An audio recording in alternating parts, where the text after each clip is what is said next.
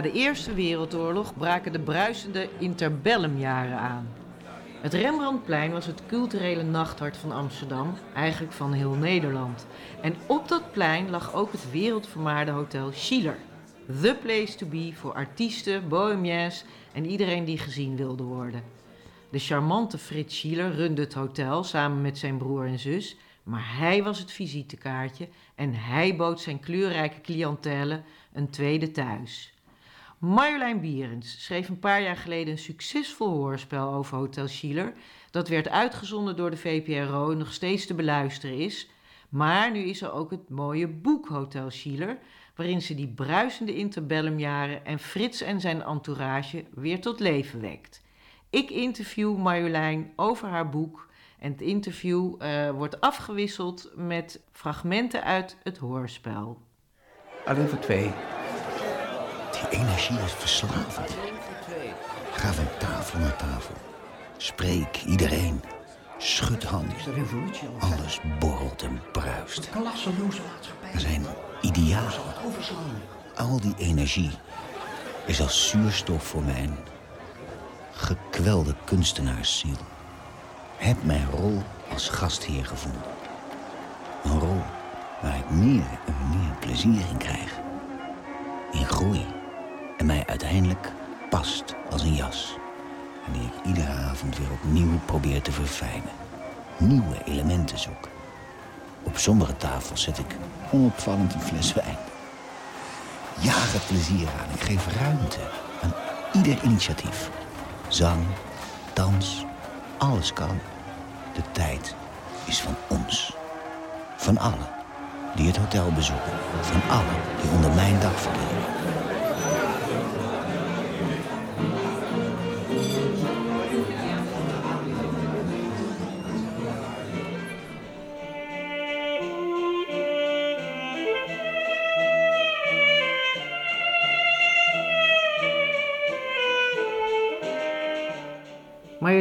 De hotelier Frits Schiller. Vertel, wat was hij voor een man? Um, ja, wat hij voor een man was, dat is moeilijk te duiden, omdat hij zich als een chameleon aanpaste aan iedereen die hij tegenover zich vond. En uh, ja, dat maakt hem juist zo ongelooflijk geschikt als gastheer en vooral ook die enorme liefde voor kunstenaars en artiesten. Voor het, ja, het kleurige, het bohemienschap, wat dat, dat in die tijd uh, door bohemien te zijn onderscheidde je je van, van de burgerij. En uh, het was, uh, zeker in het interbellum, was het nog een hele conventionele maatschappij met een hele strakke hiërarchie. En door bohemien te zijn, ja, uh, kon je daaraan onttrekken, omdat je nu eenmaal bohemien was. Dus heel, heel veel regels waren op jou niet echt van toepassing. En, en hij was, hij was, was hij daarom misschien ook zo aangetrokken tot Corrie Italiaander, de, de actrice waar hij mee is getrouwd? Ja, Zeker. Natuurlijk hield hij van Corrie, maar hij hield, hield ook heel erg van haar, van, die, uh, van de actricekant in haar. Omdat zij natuurlijk allemaal mensen in haar kielzog meenam naar dat hotel. Ja, nou ja, dat is, dat is zo gebleken. Ik denk dat je dat soort dingen niet kan plannen.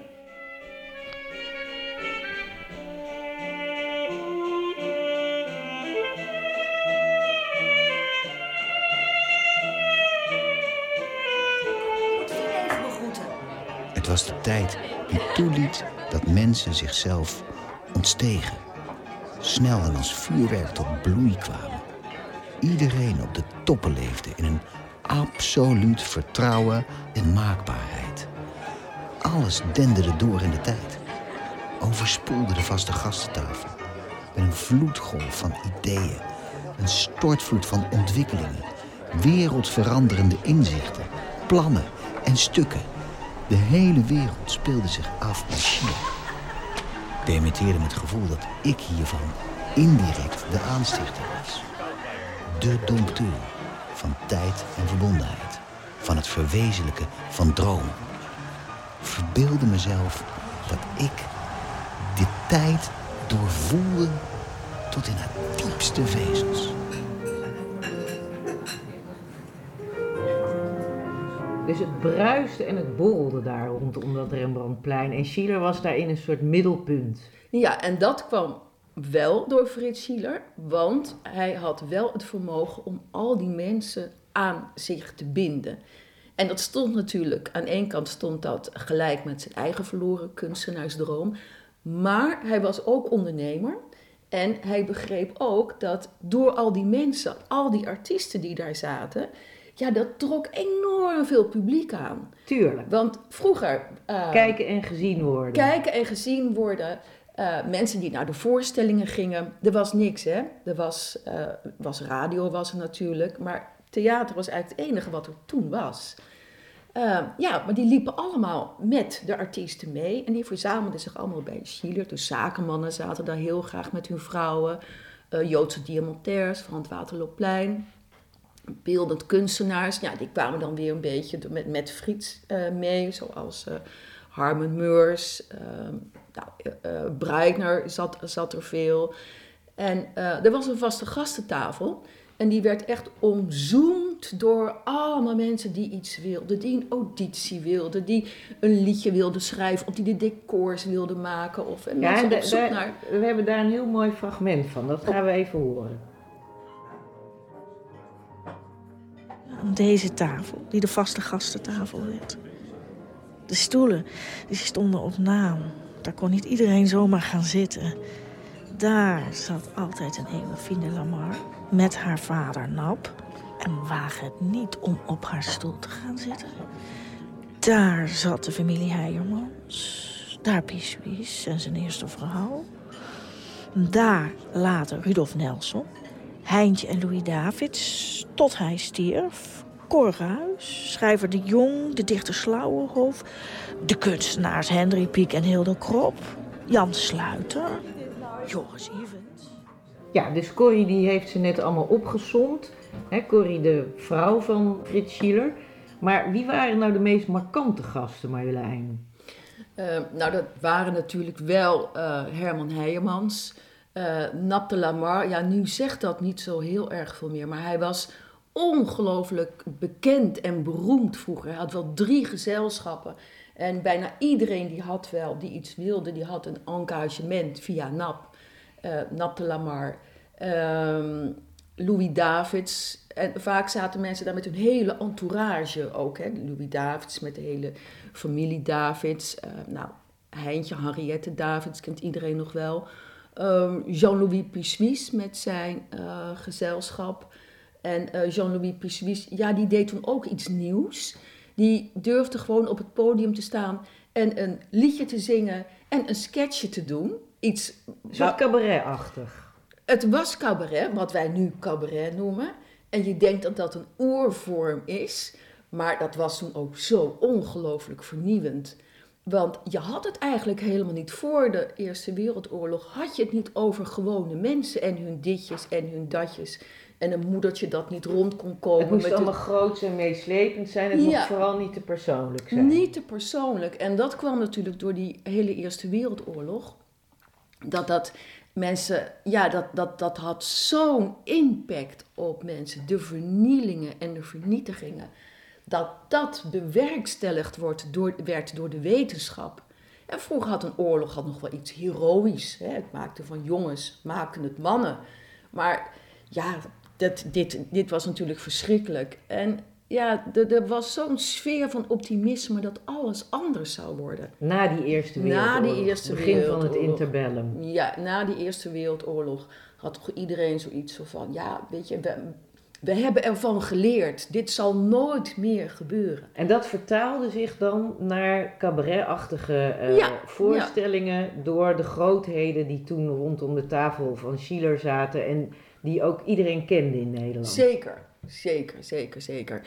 En, um, ja, en mensen klitten ook heel erg bij elkaar, omdat er, um, ja, er was zoveel aan de hand in de wereld. Nou, de hele Russische revolutie. Ja begon, was een feit. Dus mensen hadden zoiets van, zie je wel, we krijgen een andere maatschappij, een veel eerlijker verdeling.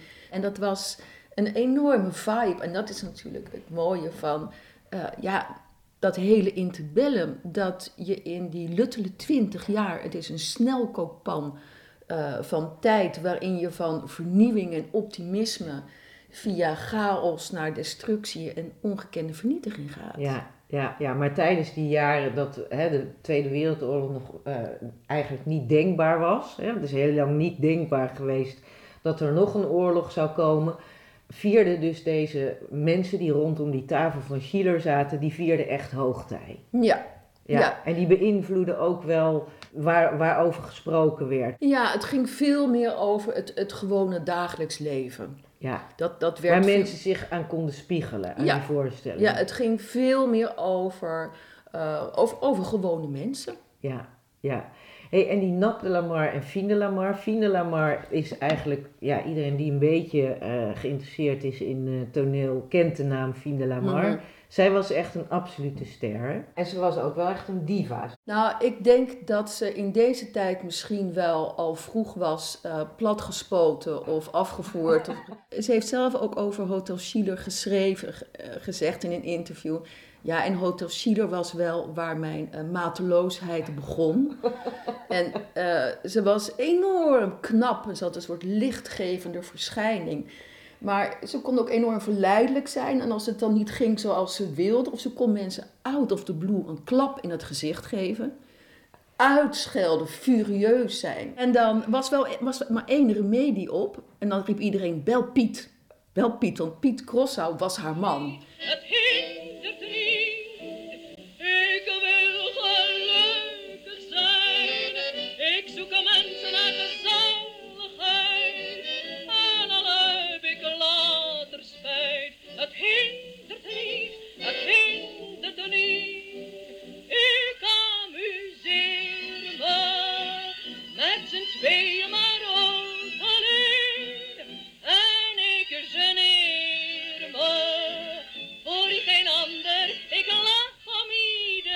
Eh, en dan had je ook nog eh, de markante Pissuis. Ja, En Pissuis had allerlei affaires. Kon dat toen in die benepen eh, Nederlandse maatschappij? iedereen had allerlei affaires. Dat En- hoorde ook bij het interbellum. Ehm, ja, ik denk bij het elan van de nieuwe tijd.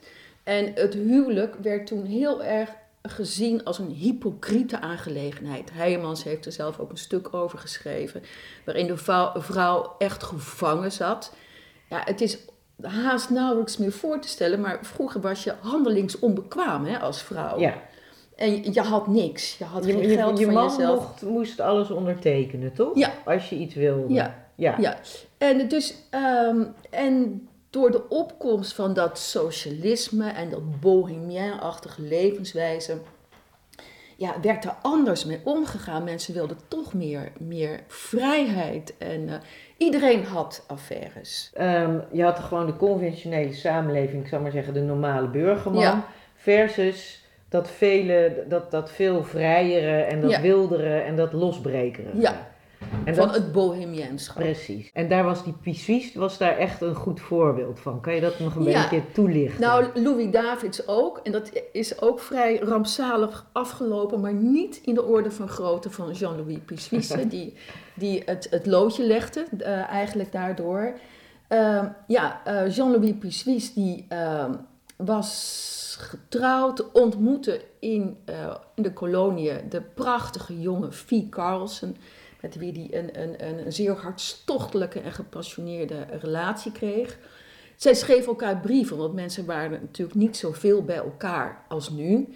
En eh, als je elkaar moest bereiken en je wilde iets, hè, iets overbrengen, dan moest dat dan toch per brief.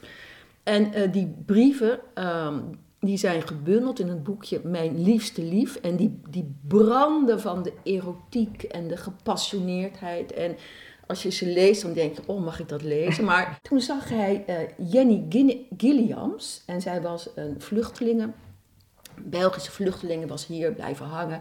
En hij was helemaal onder de invloed van haar prachtige naturel. Zoals Jenny op het podium stond en zo echt en zuiver kon zingen.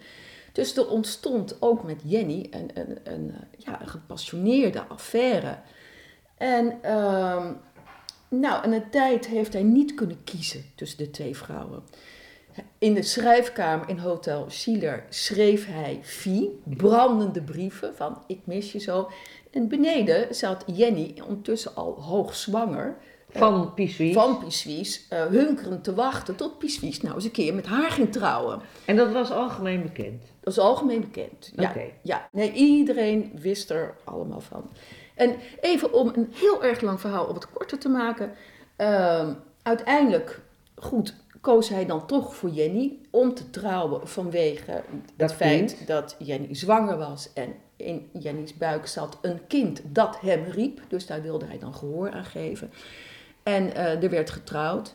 Maar Jenny, die had, was ondertussen, die vond het ook lang duren. Die was een relatie begonnen met Chaco Kuiper. Met de tenor uit het ensemble. Dus wat een soort hele rare driehoeksverhouding. Pissuis Ja. en dan Jenny op dat Ja. podium en dan met haar lover. En dat wisten ze allemaal van elkaar. en... Ja, ja, ja, ja. Ja, ja zeker.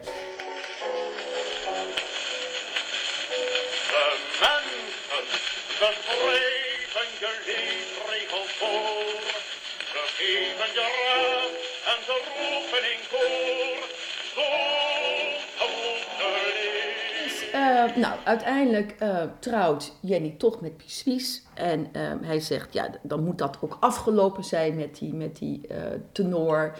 Die Chaco, die wordt ontslagen. En die relatie suddert nog een beetje door. Maar Chaco voelt toch dat hij de greep op Jenny verliest. En ja, Jenny kiest natuurlijk ook eieren voor de geld. Die denkt, oké, ik ben nu getrouwd hè, met de grootste cabaretier. Je mocht geen cabaretier zeggen, maar hè, dat vond je een naar woord. Je moest cabaret, moest je intieme kleinkunst noemen, zo, zo noemde hij het dan. En ja, daar zat toch iets meer toekomst in dan met die gepassioneerde tenor. En, ehm, maar die Chaco, die bleef hun stalken. Nou ja, uiteindelijk is dat helemaal uit de hand gelopen. Is, is die Chaco zo wanhopig geworden en heeft hij ze opgewacht toen ze bij Hotel Schiller zaten te eten. En langs het standbeeld van Rembrandt naar de overkant een Mille Colon liepen waar ze gingen optreden. En daar heeft hij ze neergeschoten. En gedood. Ja, neergeschoten, gedood en de laatste kogel was voor, voor hemzelf.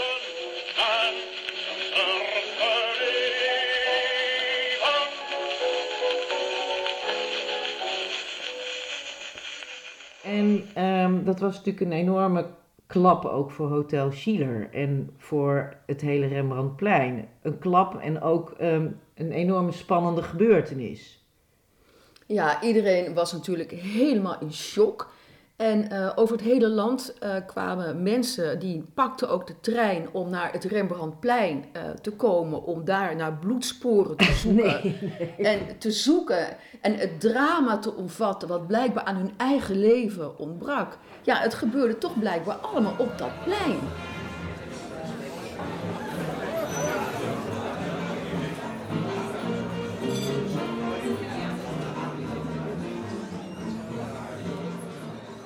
Gegeven moment was er in Amsterdam ook een influx aan eh, Duitse Joodse vluchtelingen, waaronder veel artiesten. Eh, hoe mingden zij met de Nederlandse artiesten?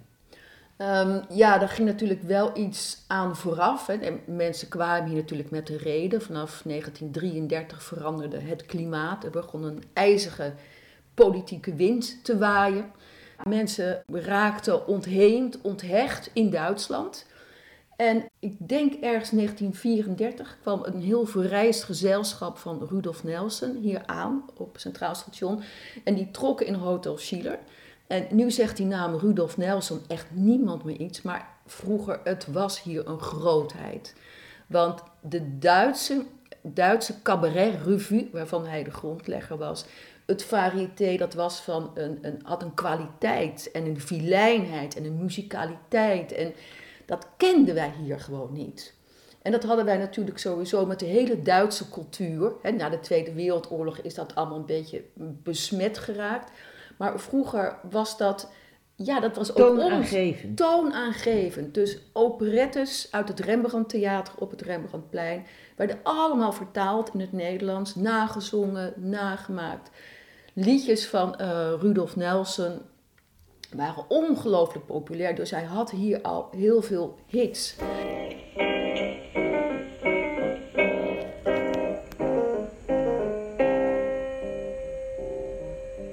Tamerlan war Herzog der Kirgisen Und jeder Mensch in Asien wusste wohl das. Tamerlan ritt über grüne Wiesen. Wo der Junge einmal hintrat, wuchs kein Gras.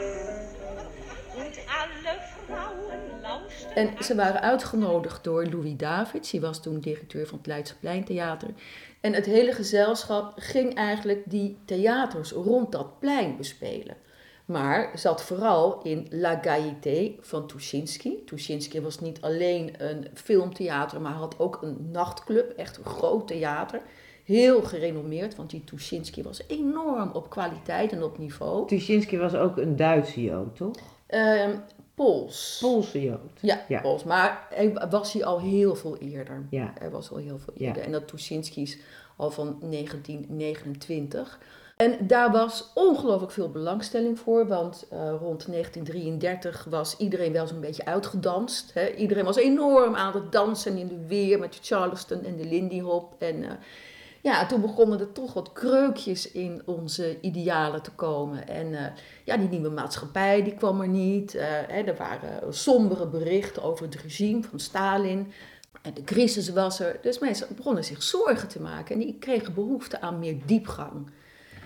Dus ehm, ja, die bespeelden de eh, theaters. En dat viel niet bij iedereen goed, want ze verdrongen ook hè, mensen, andere De Duitse artiesten. vluchtelingen, die natuurlijk van een hoog niveau waren. Enorm heel, hoog niveau. heel en die verdrongen getalenteerd. eigenlijk de, ja, de, de, de, de wat mindere goden van onze eigen podia. Dus ja, op een gegeven moment werden er werkvergunningen. Hè, moesten weer een tijdje het land uit en dan kwamen ze weer terug. stets zu einem wilden Kampf bereit. Das war in Asien eine schöne Zeit.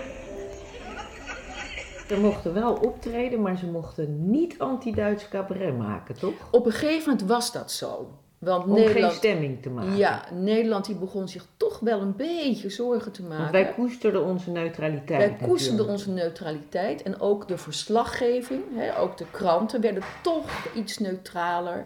En eh, Duitsland moest niet denken dat alle mensen die waren weggevlucht uit Duitsland hier een beetje hè, Stemming het, konden ja, maken. het regime belachelijk konden maken. Nee. Of eh, grappen konden maken over Hitler of hè, uit de school konden klappen. Dat was niet de bedoeling. En eh, ja, dat, dat leefde. Dat leefde enorm. Ja, maar dit hele gezelschap van Nelson en zijn gevolg en andere grote sterren zaten ook in Schiller veel. Zeker. De hele sfeer werd veel intellectueler. Ja, meer, meer geëngageerder dan, dan vroeger. Maar tegelijkertijd was er ook de opkomst van de NSB en werd er Duitse nazi-propaganda op het plein vertoond. En kreeg je op een gegeven moment natuurlijk de rare toestand dat je en NSB'ers en Joodse vluchtelingen in Schiller zij aan zij zaten. En Frits moest een beetje tussen die groepen laveren. Hoe deed hij dat? En hoe was die sfeer toen? Nou, die sfeer dat zat niet alleen Hotel Schiller, maar over het hele plein. Want op een gegeven moment, de NSB kwam heel sterk op en werd in het begin ook nog wel gesteund hè, door de christelijke partijen.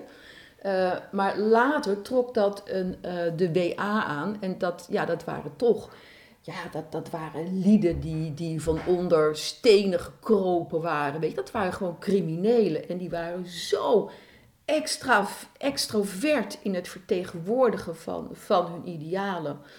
Het Rembrandt Theater, wat altijd al een Duits theater was geweest, werd een Duits theater waar ze op een gegeven moment, twee jaar voor de oorlog, de film Morgenrood uh, uh, lieten zien.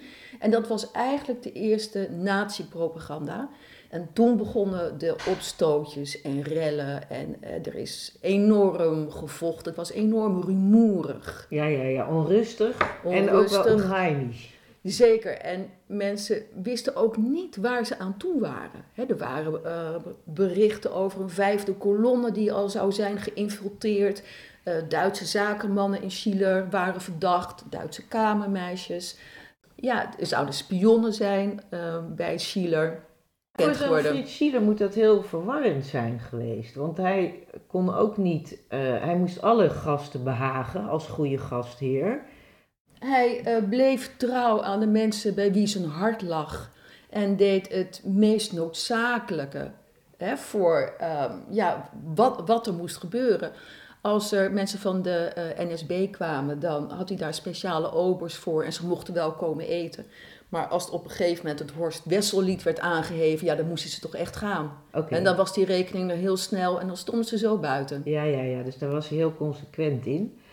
Eh, maar goed, we, niemand wist wat ons boven het hoofd hing. We waren neutraal als Nederland. En toen ging het toch mis en werd Nederland onder de voet gelopen door de nazi's in mei 1940. Ik, er is een heel mooi fragment wat we even gaan beluisteren. 1940. Sta niet meer buiten op het plein tijdens het eerste jaar van de oorlog, maar voor het raam van het hotel, in mijn eigen vitrine, en bekijk de buitenwereld. Luister naar het rumoer op het plein. Heb medelijden met haar, heb medelijden met het plein, met het standbeeld van Rembrandt dat daar maar staat. Toekijkt hoe de knokploegen van de WA zich om hem heen verzamelen. Op de plek staan van de moord op Pissuis en Jenny, alweer 15 jaar geleden. Waar toen ook een sensatiebeluste menigte nog lang naar sporen zocht van bloed. Hoe ongedurig zijn ze, schichtig en nerveus, als groepen die van zich willen laten horen. Ga weg daar bij het raam, Frits. Het is beter om wat onzichtbaar te blijven. Binnen gaat alles gewoon door. Alles lijkt nog hetzelfde. Gescheiden werelden. Hoe lang zal het nog duren tot binnen buiten wordt? Buiten naar binnen komt. Ga tegenover mevrouw Corrie zitten aan de vaste gastentafel. Het lijkt meer een groep slecht geregisseerde figuranten. Soms gaan mensen te veel op in de rol die ze toebedeeld hebben gekregen. Een uniform zou het wel goed doen in een of ander goedkoop spektakelstuk. Somber en onheilspellend. In alles vertegenwoordigen zij het boze. Thee, lieve? Nee, dank je. Nou, een heel huiveringwekkend eh, fragment eigenlijk. Maar wat betekende die oorlog na verloop van tijd voor Hotel Schiller? Ehm, het hotel werd natuurlijk geconfiskeerd. Ehm, zoals alle plekken, alle hotels. Er was geen keuze. Hè. Daar hoeven we ons, geen illusies over te maken dat je ook nee kan zeggen. Eh, huizen, villa's in eh, Amsterdam Zuid. En ehm, eh, de officieren van de Weermacht trokken in dat hotel. De Schillers mochten vijf kamers voor zichzelf houden en het café dat aan de, eh, sinds 1921 aan het hotel zat vastgeplakt. En daar bleef eigenlijk de oude cliëntele huizen. En dat was natuurlijk heel ingewikkeld, heel vervreemdend. Kijk, dat contact dat Schiller vroeger met zijn gasten had, dat, dat had hij natuurlijk niet met die, met die officieren. Dat werd allemaal centraal geleid. En ehm, ja, het, het, het eten voor de manschappen hè, werd natuurlijk ook gewoon eh, geleverd. Ehm, en eh, ja, in het hotel ging het eigenlijk allemaal gewoon door. Er was grote voorspoed in, in Amsterdam. Er werd ook enorm veel geld in culturele evenementen gepropt. En ehm, Joden leken niet zoveel te vrezen te hebben. Ehm, dingen gingen gewoon door, ook Joodse acteurs. Dus hij bleven bleef gewoon- ook gewoon Joodse gasten ontvangen in Hij bleef hotel. gewoon Joodse gasten ontvangen. En Maar daar hebben we wel een, eh, we hebben daar weer een mooi geluidsfragment van. Op een gegeven moment moest ook Hotel Schiller de eh, gevreesde bordjes plaatsen. Dat wil ik even laten horen. Haat die schreeuwlelijkers buiten op het plein. Horen zelfs in de linnenkamer. Ze vallen cafés binnen. Van hen die openlijk weigeren de bordjes verboden voor Joden te plaatsen. Hein heeft er een geplaatst. Schouderophalend. Omdat zij die ons kennen wel beter weten. Het betekent niets. Toch heb ik het weer weg laten halen. En een paar keer hebben we zo op en neer gelopen. Tot ook ik begreep. Het betekent niets. En toch ook weer alles. Het is alleen een manier om het meubilair te behouden. Maar het is een feit dat we worden ontzien vanwege de Duitse officieren. Denk erover om onderduikers op te nemen. In de linnenkamer. Speel met de gedachte. Vraag me af of de Duitse officieren in hun kamers het zouden merken. Misschien kan het hen niet schelen.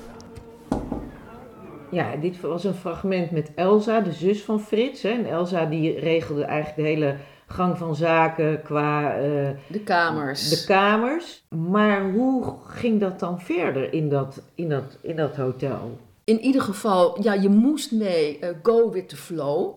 En ondertussen ehm, ja, gebeurde er van alles wat, wat zeg maar, ehm, ja, zijn eigen wetmatigheid vond. Er was voldoende te eten en er werd voldoende... Omdat die officieren omdat natuurlijk... officieren daar zaten.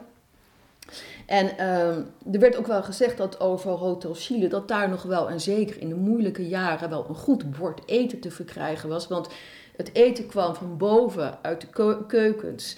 Ja, dat moest dan eigenlijk naar rechts, naar de officier, maar ging net zo makkelijk naar links. Stiekem. Naar de, naar de cafés. Ja, dat zullen ze niet al te openlijk hebben gedaan. En het is ook maar de vraag, ja, of inderdaad, of die mannen dat nou maar iets zou kunnen schelen. Maar Frits die gaf dat eten dus ook weg aan mensen die niks hadden. Zeker, en het was niet alleen Frits, maar dat, dat ook met zijn broer Hein. Want die was natuurlijk eh, Frits de, man op de, op de achtergrond. Elsa, Elsa minder, maar Hein was wel heel erg van hoe het rijlen en zeilen in het hotel zelf. Ja. En ik denk dat zijn rol tijdens die oorlog groter was dan misschien wel die van Frits, om, omdat het, ja, het moest allemaal heimelijk.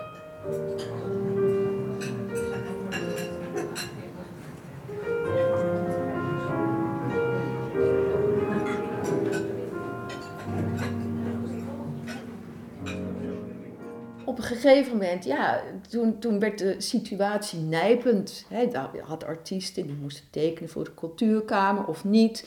Ehm, veel mensen bleven ehm, gewoon aan de bar zitten bij Schiller. Fine Lamar heeft dat wel gezegd. Gezegd van ja, nee, ik deed er natuurlijk niet aan mee. Ik tekende niet voor de cultuurkamer, maar ik heb gewoon de hele oorlog zitten zuipen aan de bar bij Schiller. terwijl daar toch een bord stond met verboden voor Joden. Dus ehm, ja, dat, dat ging enorm vaak tegen elkaar in. En ehm, zeker op een gegeven moment waren er natuurlijk eh, verliezen van de Duitse eh, rommel in Afrika. Ja, en dan was er vreugde in het café en op het plein. We hebben natuurlijk ook het voorbeeld van, eh, van Dolle Dinsdag. Dat de Duitsers overhaast vertrokken. Op het plein hingen al de vlaggen uit. Ja, ja, ja, die konden weer ingehaald worden. Ja, totdat de Duitsers weer terugkwamen. En zo ging dat tegen elkaar in. En het was natuurlijk een hele schizofrene toestand.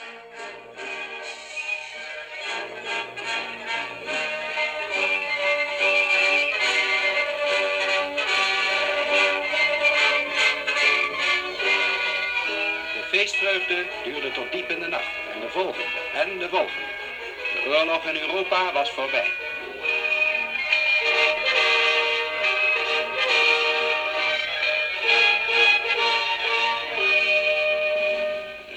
Ubermensch trok in sombere stilte weg om zijn wapens in te leveren. Zijn die officieren meteen vertrokken? Hoe ging dat? Ehm, ja, het- de Duitsers mochten zichzelf opheffen. Hè. Zij, zij mochten vertrekken als de geoliede machine zoals ze waren gekomen. Dat leek iedereen toch het snelst te gaan. Toen kregen we die Canadezen. Ja, die mannen, die, die Canadezen, die waren al vijf jaar onderweg. En die voerden al vijf jaar oorlog. Dus ondertussen waren ze wel iets van hun goede manieren waren, waren Ze wel verloren. Alles werd, eh, werd Canadees, Amerikaans. En daar hoorde gewoon overwinningsmuziek bij. Dus live bands dreunden de godganse dag in Hotel Schiller. En de overwinning werd zo luidruchtig gevierd. Ja, de glazen in Schiller met de gravures, die vlogen in het rond. Alles werd zo extatisch en euforisch gevierd. Onder het motto Trace, inderdaad, Trace heeft een Canadese, schudde de bedden bij Schiller.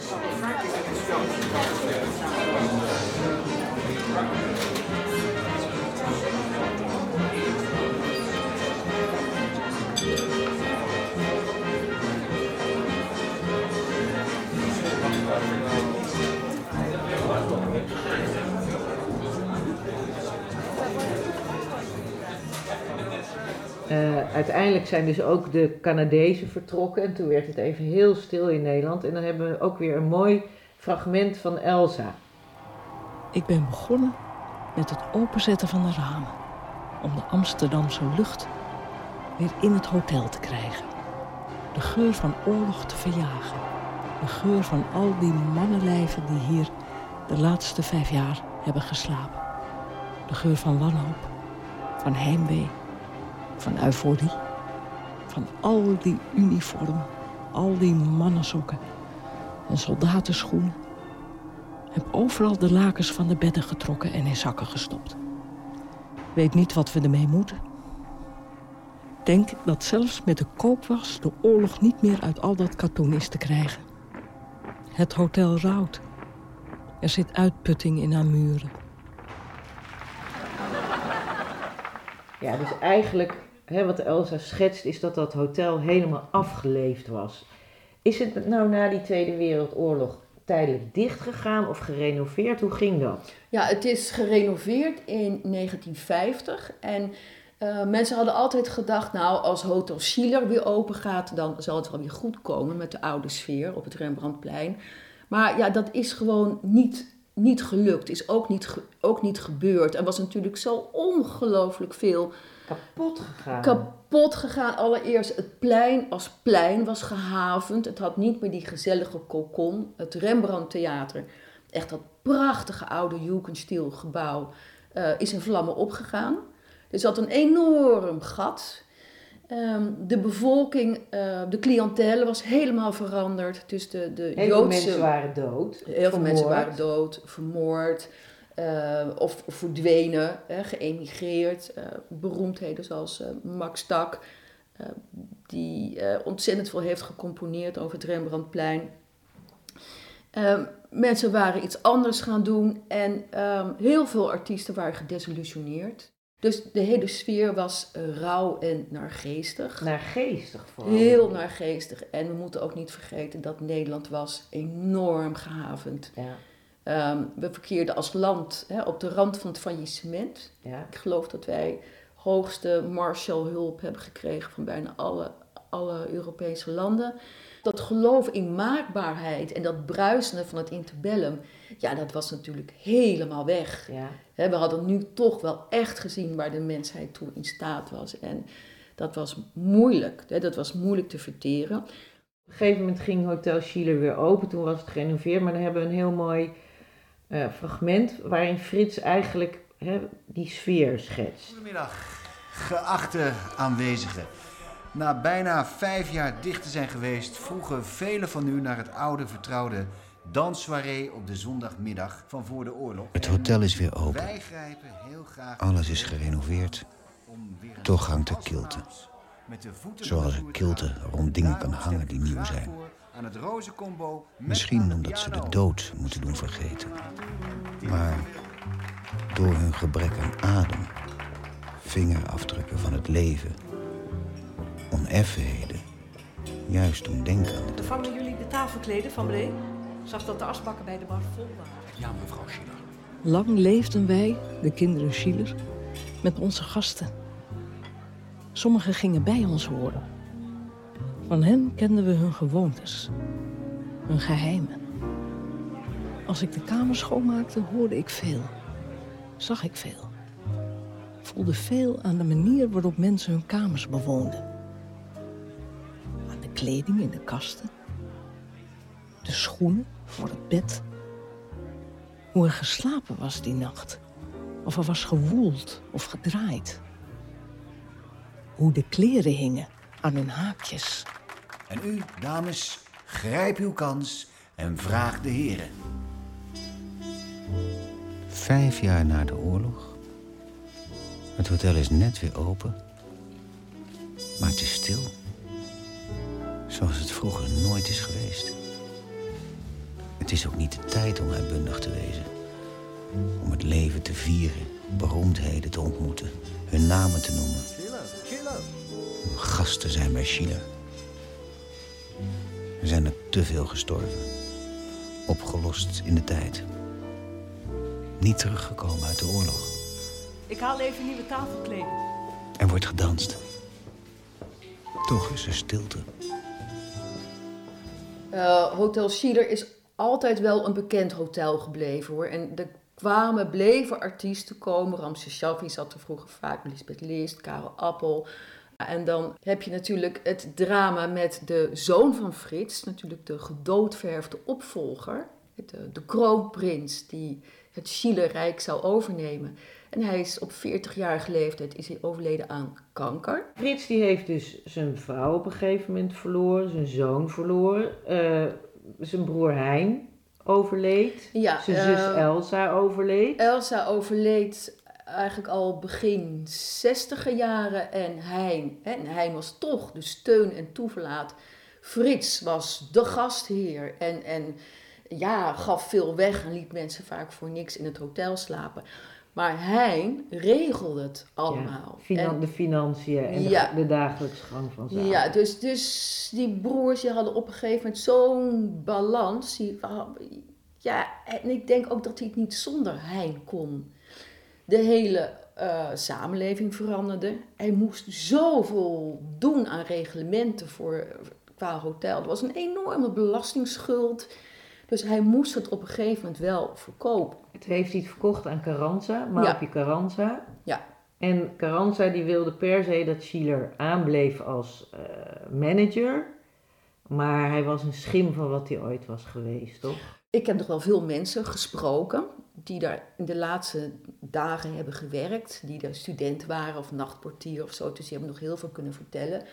Maar die konden ook heel goed aangeven hoe de sfeer totaal veranderde nadat Ja. Carranza erin kwam. Er kwamen hele andere bepalingen, echt het hele oude personeel ging weg.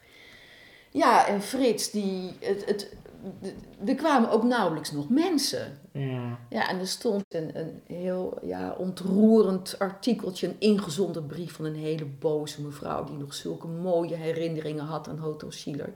En dat ze er een keer kwam met een vriendin die uit het buitenland en ze moesten naar Hotel Schiller, was niemand.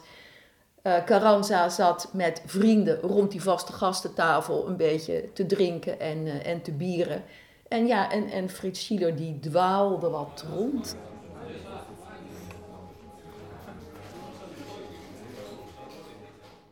Zeker het boek is het verhaal van het hotel. Ja. Dus dat, Niet van de familie, maar van niet, het hotel. Ja, niet van het familie, maar ik wilde echt een verhaal van het hotel schrijven. Maar dat heeft heel wat, wat bikwerk en, en zoeken is daar natuurlijk aan vooraf gegaan.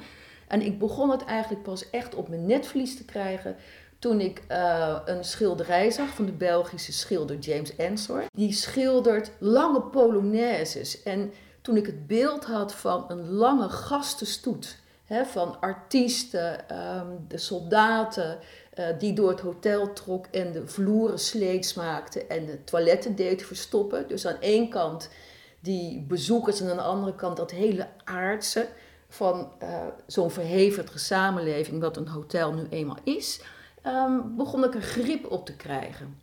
En dan heb je nog de keuze van, voor je het weet, ga je van de ene anekdote naar de andere. Maar wat mij zo ongelooflijk heeft geraakt in dat hele verhaal is dat het niet zozeer om die mensen ging, maar om de tijdgeest. De tijdgeest was de werkelijke gast van Hotel Van het hotel. Van het Hotel. En, en het hoogtepunt was het interbellum, de interbellumjaren. Ja, ja, die snelkookpan van snel wisselende sferen. En die, die eh, levens schuurde en, en richting gaf. Ja, Maar voor mij is het meer een verhaal over ons aller vergankelijkheid. ja. het, het, eh, en het toeval van het tijdsbestek waarin Ja. wij allen zijn geboren. Ja, ja. Nou, het is een prachtig boek geworden. Hotel Schiller, Marjolein Bierens. Veel dank voor dit interview.